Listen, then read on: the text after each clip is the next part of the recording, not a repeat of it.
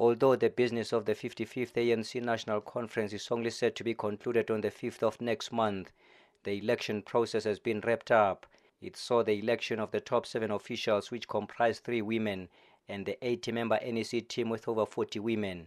The head of the ANC Electoral Committee, Kgalema Motlanthe, says the governing party has achieved its self imposed 50 50 gender parity in its top structure. We now wish to take this opportunity present the newly elected 80 additional members of the ANC National Executive Committee, comprising of 41 women and 39 male comrades, in compliance with Rule 6 of the ANC Constitution. Given the fact that three women were already elected as national officials, the total number of women is 44, which is 50% of leaders elected in this National Executive Committee of 87 members. Young people also made it to the list, which included Sihlezi Kalala, Mduduzi Manana, Mtumiseni Ntuli, and Ronald Lamola, among others.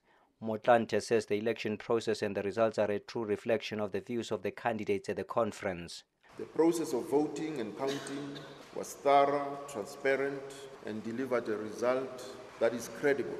Every province and league deployed two observers to the conference election process. They were there to protect the interests of members in their province or league and to ensure that the credibility of the elections and a result that reflects the will of our members. Voting took place from 10 a.m.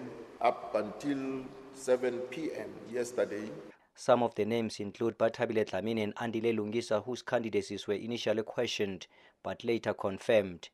And those who voted in favor of the Section 89 report also made it to the list. Five ANC members of parliament voted with the opposition for the adoption of the Section 89 panel report into the theft at the president's Phalaphala farm in defiance of the party line. ANC Secretary General Fikile Mbalula explained their inclusion.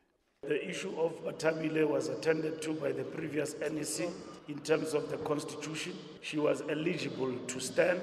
The Andile Lungisa matter will be done and dusted and closed by the 5th of January because we're supposed to report on that particular matter to the plenary. Uh, we did discuss it as the conference. Uh, there was a big lobby for Andile Lungisa to be in the NEC. So the steering committee ceased with that matter and will report to conference. The rest of other people, they are members of the ANC, and so they have a right to stand. Issues that affect them, which have been referred to the DC and were reported even publicly, will stay as such, and the disciplinary processes of the ANC will unfold. Meanwhile, Mbalula has dismissed any possibility of President Cyril Ramaphosa being recalled before the end of his term. Both Thabo Mbeki and Jacob Zuma were recalled before the end of their terms. Mbalula says Ramaphosa is the best and has the support of the nation. This president has conducted himself very well and he has added value to the ANC over five years as president. The reception by society has been good and the president of the ANC and all of us we want to finish our terms. And so I think that question does not arise. If you raise it because of Phalaphala, it's another story altogether. The ANC will reconvene in Mangaung to complete its national conference and prepare for its 111 year birthday celebrations. Immediately after that, it will appoint its National Working Committee members responsible for the day to day running of the party, as well as the chairpersons of different subcommittees. I am Tebu Mokobo in Johannesburg.